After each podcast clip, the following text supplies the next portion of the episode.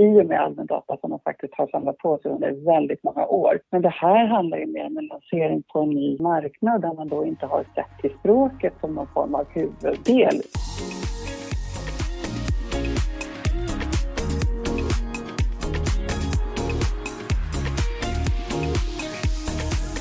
Vad sägs om lite Purina Gourmet Gold, fin komposition kattfoder, vått med ankor och kalsong, Jasmin?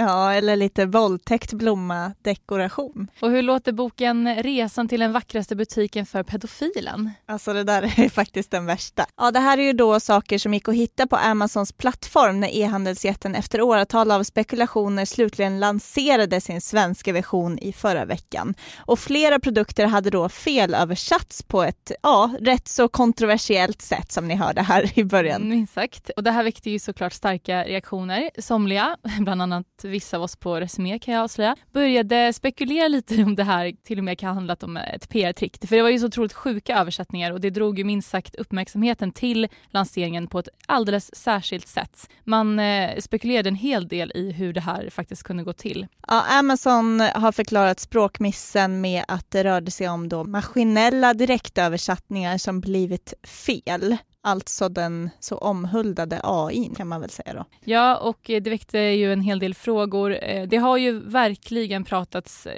jättemycket de senaste åren kring då hur Amazon förväntas revolutionera eh, den svenska e-handelsmarknaden och handeln överlag. På det viset så har ju Amazons entré varit både fruktad och efterlängtad.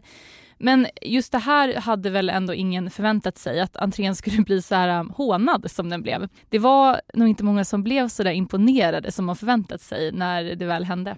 Det här väcker ju inte minst frågor om brand safety för varumärken som vill finnas på Amazon. Om det här ska vi prata mer idag. Jag heter Jasmine Winberg. Och jag heter Amanda Törner och du lyssnar på Insiktspodden. Välkommen! Välkommen! Och om vi ska fortsätta basha Amazon lite grann, det kanske man får göra eftersom Amazon är en så otroligt stor maktspelare, så har vi gott samvete här i mm. podden. Mm. Det fanns ju då ett gäng andra problem vid lanseringen. Eh, trots att en femtedel av svenskarna har handlat på Amazon innan, då Amazon kom till Sverige, så kunde man inte använda sitt gamla konto, utan var tvungen att registrera sig på nytt. Inte helt eh, smidigt löst där. Nej. Eh, men en annan grej är att man har ju verkligen fått bilden av att Amazon är en sajt som erbjuder väldigt låga priser. Men det visade sig inte heller riktigt stämma, i alla fall inte här i början. En, en Samsung eh, i modellen TU7199 kostade 7 716 kronor hos Amazon men bara 5 500 kronor på samsung.com.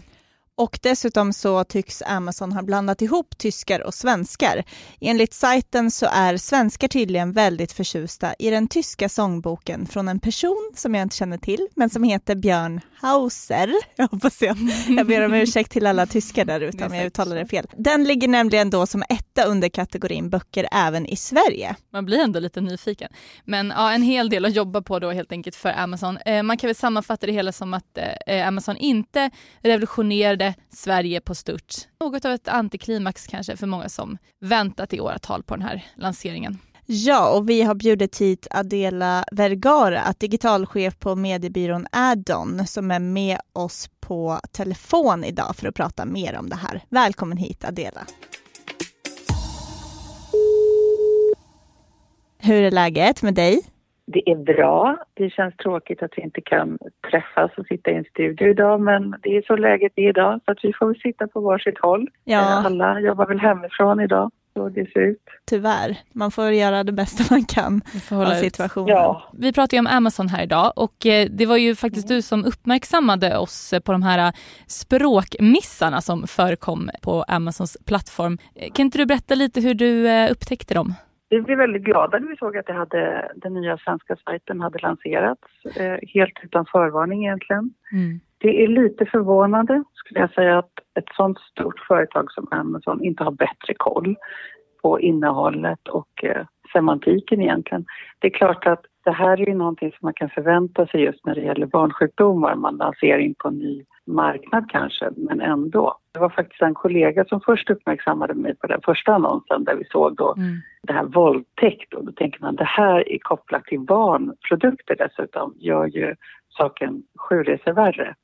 Verkligen. Och sen så följde det bara, det rasade in olika typer av exempel på saker som man inte vill se kopplade till sitt varumärke heller. För vi pratade mycket här om, det ser ut i varje fall, eller det är i varje fall det som liksom har uppmärksammats utåt, att majoriteten av de här språkmissarna utgörs av könsord och sexrelaterade saker. Hur kommer det sig? Alltså vet man någonting om det? Jag tror att mycket är rena rama språkmissar. Man kan se att till exempel trupp på engelska kan ju bli ett ord på svenska som ja. kanske då inte ja. gör sig särskilt bra. Och det är ju rent slarvigt skulle jag säga att inte ha bättre koll på det sättet. Eh, och det bör man kunna ha idag med, den, med all den teknik som finns. Så det förvånar mig. Ja men apropå det, vad, vad, har du för tankar om det, att det faktiskt ändå händer? Alltså när ett av liksom, världens största företag lanserar i Sverige, att det kan ske. Vad beror det på? Ja, det förvånar mig enormt mycket. Jag tror inte att Jeff Bezos ser glatt på den saken heller. Och det är många som spekulerar i om det här är ett PR-trick i en lanseringsfas. Men jag tycker att det är ett väldigt dåligt sätt att hantera PR i så fall. Eh, det sänker ju förtroendet för användare, för nya användare som kanske inte är bekanta med Amazon sedan tidigare. Vi andra kanske har jobbat med tyska plattformen eller engelska eller USA till exempel. Så att det här är väldigt förvånande och tekniken borde finnas på plats också. Amazon är ett enormt företag, ett av våra största företag i världen och de har ju tekniken för att kunna jobba med den här typen av data. Och det förvånar mig. Jag tycker att man brukar lyfta fram eh, artificiell intelligens som någonting som är så här, eh, redan här för att revolutionera allting och inte minst då in, inom den här branschen så brukar man prata om AI uh, med väldigt positiva ordalag. Men vad säger det här om AI då? Amazons AI inte, uppenbarligen inte lyckades bättre än så här. Ja, jag tror att det handlar mer om en språkfråga. AI i sig tror jag att de har koll på. Eh, och när det gäller deras produkter, den målgruppen de har, att kunna jobba med produkter, rätt produkt till rätt målgrupp, där har de väl en stor fördel i och med allmän data som de faktiskt har samlat på sig under väldigt många år. Men det här handlar ju mer om en lansering på en ny, en ny marknad där man då inte har sett till språket som någon form av huvuddel i lanseringen. Så att det det är lite konstigt. Jag tror inte att det har så mycket med själva AI att göra. Har det med Sverige att göra då på något vis? Att Sverige är en liten och inte så liksom, betydelsefull marknad för Amazon. Har du någon koll på hur det gått när de har lanserat i andra länder? Om det har uppstått några liknande brand safety-problem och översättningsproblem då? Det har jag dålig insikt i, men däremot så svenskar är överlag rätt eh, snabba på att hoppa på och kritisera om vi får möjligheten. Mm. Men det här var ju sådana saker som, som verkligen stod ut och förvånar. Så att det är inte så konstigt att det heller upprör många användare. Eh, så att det är någonting som de verkligen behöver ta i beaktande. Och det vet vi också att de har rensat upp i mångt och mycket. Men det finns ju fortfarande saker att hitta om man, om man letar. Mm. Till exempel kalkon på tyska då blir kalsong eller liknande. Mm. Och det är sådana småsaker som fortfarande finns kvar och skräpar. Men de värsta könsorden är väl borttagna vad jag kan se i alla fall när jag har kikat lite. Mm. Hur eh, ser intresset från svenska varumärken ut för Amazon om du ser till era kunder? Det är klart att det är stort intresse. Det, Sverige ligger långt fram i, just när det gäller e-handel och det är klart att det finns dels både för, för konsumenter men framförallt för e-handel, e-handlare. Eh, och eh, se vad kan jag som e-handlare, som annonsör göra på plattformen. I Sverige så går det som sagt bra också. Där har pandemin hjälpt till väldigt mycket till ett förändrat beteende eller egentligen ett uppstidat beteende skulle jag säga. Det har hänt otroligt mycket under det här, det här året som annars skulle kanske ha skett på flera år. Det är klart att Amazon är ju en stor aktör som säkerligen kommer hjälpa till att driva utvecklingen kring priser. Och det är någonting som vi måste se över och det är någonting som vi också informerar våra kunder om som har den typen av affär som gäller då onlineförsäljning. Men sen så är det ju så att det är så mycket mer med Amazon, det är en säljplattform. Men just all den här datan också som de har och all den kunskapen kring vad som faktiskt driver en konvertering, det är någonting som vi då som marknadsförare såklart är intresserade av. Mm. Jag kan du inte berätta lite mer om det, vilka möjligheter som finns för svenska annonsörer på Amazon, bortsett från de som vill använda plattformen som en ren säljkanal så? Det kommer ju komma. Framförallt så är det ju så att här i startläget så handlar det om att få koll på SEO till exempel eh, på sin egen sajt där fångar ju Amazon såklart upp väldigt mycket av de sökningar, produktsökningar som görs. Men däremot så det vi ser fram emot som marknadsförare också det är den här DSPn där vi också kan köpa på Amazon-ägda plattformar mm. på ett mm. annat sätt utifrån Amazon-datan. Och det är klart att det är av intresse. Det här är en ny säljkanal, en ny kommunikationskanal och eh, det kommer att ta tid men vi behöver testa olika saker och lära oss tillsammans med våra kunder. Det är jätteviktigt. Så jag tror att inom några år så kommer det här säkert vara en del av mediamixen så länge de finns kvar på den svenska marknaden. Det tror jag att de kommer att göra. Mm. Eh, när vi pratade med dig i förra veckan då i samband med att Amazon lanserades så uppmanade du dina kunder att hålla sig borta från eh, Amazon. Nu har det ju gått lite tid och du har sagt att det värsta är borta. Det här är ju lite att uppmana sig, eh, sina kunder att hålla borta är ju kanske lite udda jämfört med andra konsulter som ser då nya intäktsmöjligheter här såklart. Men hur ser du på liksom det idag? Är det något du fortfarande gör? Ja, jag skulle säga att jag inte uppmanar dem från att hålla sig borta utan mer att skynda långsamt.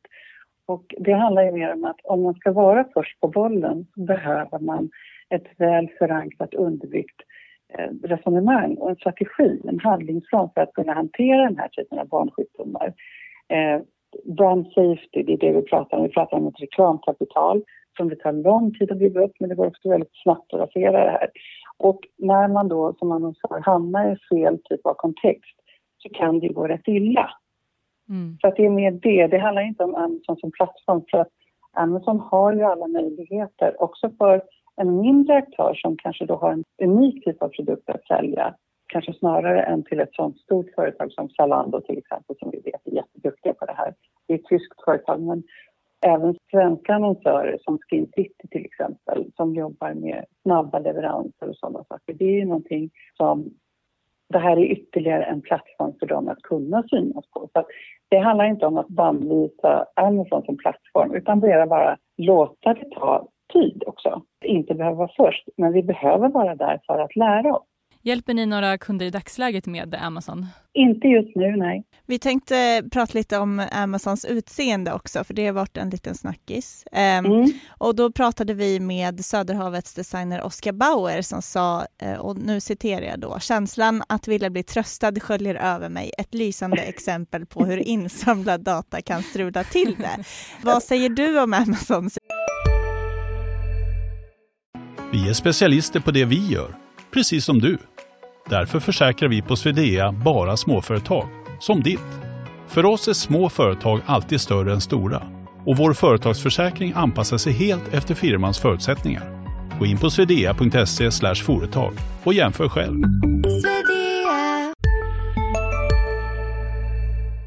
Utseende. Ja, det är väl inte vackert skulle jag säga. Eh, men det som är intressant är ju återigen all den datan som de samlar på sig för att se vad som faktiskt konverterar. Det är klart att de gör ju tusentals AB-tester för att se vilken sida driver mest konvertering. Och det här är uppenbarligen det som funkar bäst. Sen så kanske det är så att de behöver anpassa det här till den svenska marknaden. Men det är klart att ur egen synpunkt så tycker jag att det här, det lockar inte mig till att shoppa mer utan det blir mer en prispressardel som blir väldigt tydlig. Alltså den gemene konsumenten bryr sig inte ett skit om design. Det skulle man kunna dra som slutsats här. ja, lite så kanske. Ja. Jag tror att det man vill ha från en e-handel är också i så fall, om man har gjort en produktsökning, att man hittar rätt produkt, man får recensioner och man får ett bra pris. Och då tycker man att den här sajten känns bra och att det är en trovärdig avsändare och också att leveransen sker på det sättet man önskar. Det är väl egentligen det som är det viktigaste och då kanske då eh, designen får lite komma i andra hand. När det gäller just den här brand safety-frågan som vi pratar om idag så är ju få kanaler är ju undantaget det problemet. När eh, vi mm. granskade Youtube för ett tag sedan så upptäckte vi ju svenska annonsörer som låg in till videor med, eh, med knark, våld, vapen. Alltså hur mycket brand safety kan man förvänta sig i digitala kanaler idag och hur, hur ska man liksom veta att en kanal är bättre på det än en annan? Det där är ju en utmaning som vi har hela tiden och det handlar ju just om eh, för att en annonsör ska finnas i rätt typ av kontext och inte då synas tillsammans med knark. Mm. Om man vilket de flesta av oss inte önskar. Men här finns ju också sätt att jobba kring det här. Där har ju IAB Sverige ett initiativ som heter Gold Standard. Mm. Eh, just för att sätta en industristandard med ett regelverk som ändå ska kunna ge då annonsören en viss typ av kontroll och att vi som köpare också ska kunna verifiera den här typen av data. Så det är ett jätteviktigt initiativ skulle jag säga. Mm. Är den klar? Ja, den är klar eh, och det är någonting som... Eh, det finns en regelgrupp nu som då håller på att sammanställa det här tillsammans med olika typer av aktörer, av publicister. Det handlar om annonsörer, det handlar om köpare också. Så att det finns för olika typer av riktlinjer som man måste förhålla sig till då och man måste genomgå eh, ett test eller en audit med en tredjepartsaktör så att man gör en revision utifrån de här delarna. Och förutom det då, och att jobba med vita och svarta listor, finns det något annat som man som annonsör kan tänka på för att undvika att hamna i, i den här typen av kontext som man inte vill hamna i? Ja, det är mycket, oavsett om vi pratar egentligen om programmatiska delar, där som du nämner, whitelist och blacklist och sådana saker, det är sånt som är viktigt så är också publicisten självklart en del av det. Att veta vilken typ av kontext man vill synas i. På den svenska marknaden så har vi ändå stora publicister som någonstans ändå försöker säkerställa den här typen av, av innehåll så att det ska vara brand eller varumärkessäkert för, för annonsören. Sen så är det klart att när man går utanför de här gränserna så blir det ju svårare att kontrollera det. Eh, och det här är någonting som vi jobbar jättemycket med och som också systemen som vi använder för den här tredjepartsaktörer egentligen för att verifiera det här jobbar jättemycket med för att kunna sålla bort alla de här där, där liksom, som vi ser eh, och de dåliga placeringarna. Och det är ju, när man går in och tittar i datan och ser den leveransen som man kan få ut från när man köper till exempel öppet programmatiskt, eh, den kan ju vara lite skrämmande ibland. Och mm. därför är det viktigt att sätta de här restriktionerna och veta vad det är man köper i och med att jag kommer från mediebyråsidan och jag förvaltar ju mina kunders pengar så måste jag också säkerställa att det ligger i rätt kontext mm. i det som vi önskar oavsett om det bygger på en målgrupp eller om det bygger på ett innehåll. Så det är oerhört viktigt. Mm. Och det här tror jag, det här är diskussioner överallt, inte bara i Sverige såklart, utan det är ju i hela världen. Det pratas ju också en hel del om eh, plattformarnas ansvar när det gäller brand safety och de stora mm. sociala mediejättarna. Och vi ser ju mm. att annonsörer då och då bojkottar eller pausar sin annonsering när det dyker upp den här typen av problematik. Och samtidigt ja. så slår de ju ständigt nya intäktsrekord med annonsintäkter och så. Vad tror du att annonsörerna egentligen har för makt där och vad, liksom, vad krävs för att det ska bli till en förändring på det här området? Ja, det är jättesvårt det där. För att det är klart att är man en enormt stor eh, annonsör så kan man ju också bidra till förändring på ett sätt bara genom att själv kanske gå ut och bojkotta någonting. Mm. Men tillsammans så blir ju väldigt mycket starkare och det är därför jag menar att det är så viktigt att vi också ställer krav. Att vi som köpare åt annonsörer också ställer kraven på publicisterna. Eh, att det här måste vara brand för vår annonsörs skull. Därför att det är, det är ju det värdet som vi har att jobba med. Det är det reklamkapitalet som kunden har att jobba med. Så det här är ju superviktigt. Jag satt och tittade på nyheterna idag också och eh, där är det självklart prat om valet mm. eh, och hur då sociala medier då bojkottar, eller man ska säga stoppar vissa typer av inlägg just för att säkerställa att det här inte ska kunna bli en ny Cambridge Analytica-skandal. Mm. Återigen, de gör nog vad de kan och det är ett ständigt problem. Mm. Utifrån vårt perspektiv så, så vi har skrivit om det här genom åren i omgångar och ibland så kan man mm. få känslan av att eh, när vi pratar med annonsörerna att ja, de säger till oss att det är väldigt viktigt och att de pausar och vidtar massa åtgärder och så. Och sen så kan mm. man se samma annonsör in till samma video som man har liksom pratat om och påtalat för några, några veckor tidigare. Så ibland känns ja. det som att de kanske inte bryr sig så mycket som de vill ge sken av till oss. Hur, vad är, mm. vad är liksom din bild av hur viktigt brand safety är för annonsörerna egentligen? Jag skulle säga att det är väldigt viktigt och vi jobbar med många olika typer av annonsörer som det kanske då är mer eller mindre viktigt för, man säger. I grunden så är det klart att det är viktigt för alla, men för en del så kan det ju vara helt avgörande att man är, man får inte synas i ett visst typ av sammanhang och det är Det, det, går inte att passera den gränsen och då har vi ju hängslen och livrem egentligen när vi sätter upp en kampanj på det sättet eller köper det.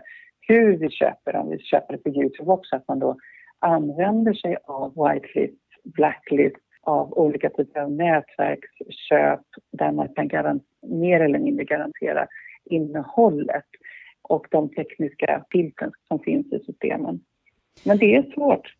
Och ibland så tror jag precis som ni att vissa kanske struntar i det för att man ser också intäkterna som kommer in ifrån de delarna. Mm. Jag vet att det funkar jättebra att sälja viss typ av produkter en viss typ av sajter. Mm. Men det kanske man inte alltid vill erkänna. Sen kan det också ske ska säga, genom ett, att man jobbar med någon form av affiliate-nätverk eller något nätverk som då kanske inte riktigt visar på, är så transparenta som vi önskar att de ska vara. Mm. Så att där är det jätteviktigt att hålla koll på de delarna.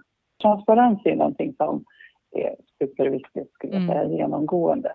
Men vad tror du då om, eh, om vi ska wrappa upp lite och gå tillbaka till Amazon, om Amazons del då i, i hela det här ekosystemet eh, på den svenska marknaden. Hur, hur tror du att Amazon kommer stöpa om eh, det hela några år framåt i tiden? Jag tror ju att Amazon har ju som sagt redan börjat ställa upp eh, på de orden som mm. har, har skett då missar. Men sen så är det klart att Amazon är ju en stor plattform och de produkter som ligger där idag det är väldigt mycket till exempel tyska handlare. Mm. Det kommer komma in fler svenska företag på plattformen såklart. Det som är intressant att se är också hur de håller det i sin kontext, om man säger eh, plattformar som är Amazon-ägda, till exempel som Twitch, Audible, IMDB. Och på det sättet jobba med brand safety när vi då pratar om de här DSP-köpen som kommer komma sen. Det finns ju väldigt mycket data som kommer kunna ge oss väldigt mycket lärdom. Det gäller bara att testa, låta det gå lite och se vad lär vi oss av det och kanske börja i mindre skala för att sen kunna växla upp det. Det är också så att den här plattformen kanske inte är för alla annonsörer utan det passar bättre för en viss typ av företag. Det kommer ta tid. Man får eh, ha med sig det ändå, att det kommer ta tid. Det tror jag absolut. Det är ingenting som ska räkna bort. Nej, Nej. då skickar vi med det. Stort tack för vi fick, för vi fick prata med dig idag, Adela. Ja, tack så mycket. Jättebra. Tack snälla. Ha det bra. Ha det bra. Hej, hej. hej. Nu är det dags för veckans svep där vi tar upp tre intressanta grejer från veckan som gått.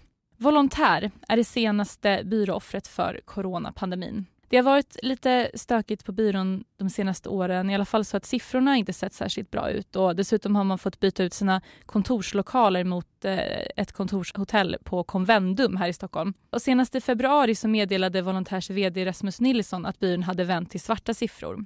Men när man i veckan då lämnade in en konkursansökan till Stockholms tingsrätt så blev det ett kvitto på att man nått vägs ände. Volontär föddes under förra finanskrisen och har ju sedan dess gjort starkt avtryck i och utanför kommunikationsbranschen där Svenska institutets Twitterkonto, Curators of Sweden, kommunalkampanjen Be a Man och teknikföretagens samarbete med influencern Therese Lindgren tillhör några av de mest omtalade. Och det är väl genom dem som vi kommer att minnas Volontär också. Vi har tidigare här i podden och i Resumé Insikt tagit upp den omfattande bojkotten mot Facebook som flera av världens största annonsörer hakade på i somras. Och anledningen var då att man ansåg att plattformen inte gjorde tillräckligt för att rensa upp hot och hat. Och då konstaterade de experter vi pratade med att bojkotten mest handlade om att dessa annonsörer själva passade på att profilera sig i PR-syfte snarare än att åstadkomma verklig förändring. Och nu visar det sig att de har fått rätt, i alla fall om man ser då till Facebooks intäkter. För hittills i år så har Facebook ökat sina intäkter som till majoriteten kommer från annonsförsäljning med 22 procent jämfört med tidigare år. Och så kan Facebook då fortsätta köra på med sitt ostoppbara race. Är syftet med syftesdriven marknadsföring förbi? De senaste åren har vi ju sett alla de här pompösa reklamfilmerna där en allvarlig röst deklarerar att jorden på ett eller annat sätt är i fara och att här finns det kommersiella bolaget som ska rädda den. Det har ju gjort att reklamen blivit allt mer likriktad och kan man ju misstänka i alla fall bidragit till den ökade reklamtröttheten.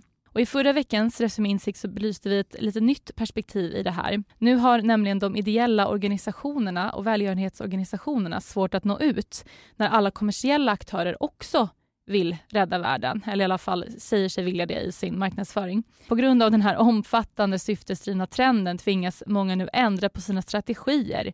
Eh, bland annat gå från eh, budskap med förtvivlan till budskap med hopp. Men hur det här påverkar marknadsföringen i det långa loppet får vi se helt enkelt. Ja, och det var allt för veckans avsnitt av podden. Vi hoppas att ni håller er friska där ute och så hörs vi igen om två veckor. Som vanligt så blir vi jätte, jätteglada om ni går in och skriver en liten recension i podcaster-appen. Ja. Hej då!